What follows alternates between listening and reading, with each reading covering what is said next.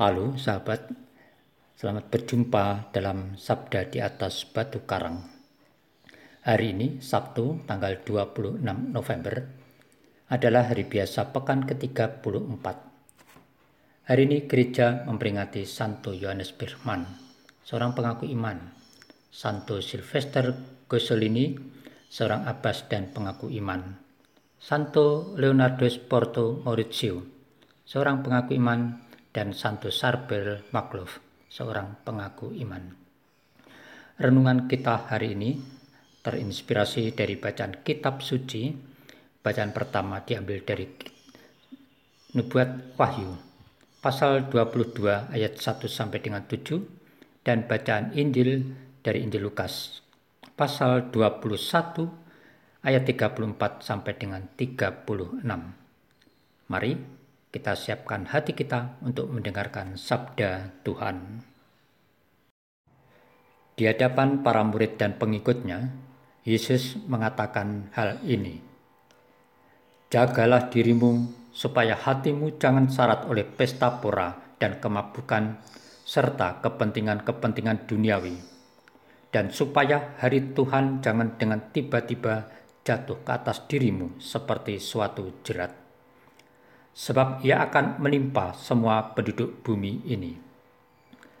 Berjaga-jagalah senantiasa sambil berdoa, supaya kamu beroleh kekuatan untuk luput dari semua yang akan terjadi itu, dan supaya kamu tahan berdiri di hadapan Anak Manusia. Demikianlah sabda Tuhan. Terpujilah Kristus.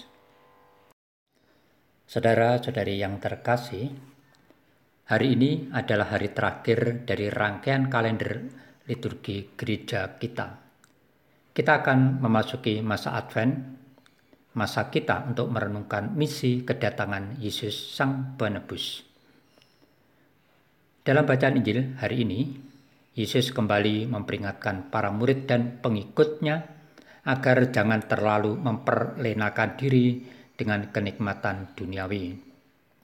Hal itu bisa membutakan diri akan tanda-tanda akhir zaman, sehingga tidak peka untuk bersiaga diri menyambut kedatangan Tuhan kembali. Saudara-saudari yang terkasih, jika kita mengaku sungguh sebagai para pengikut Kristus, maka hendaknya mengerti akan sabdanya hari ini Semoga dengan bimbingan Roh Kudus, kita memiliki sikap waspada terhadap perbuatan duniawi yang penuh godaan dosa. Mari selalu berdoa agar kasih Kristus memberi kekuatan kita untuk bertekun dalam iman dan kebenaran dalam dirinya, sehingga kita diluputkan dari semua hal yang mengerikan yang akan menimpa dunia pada akhir zaman kelak.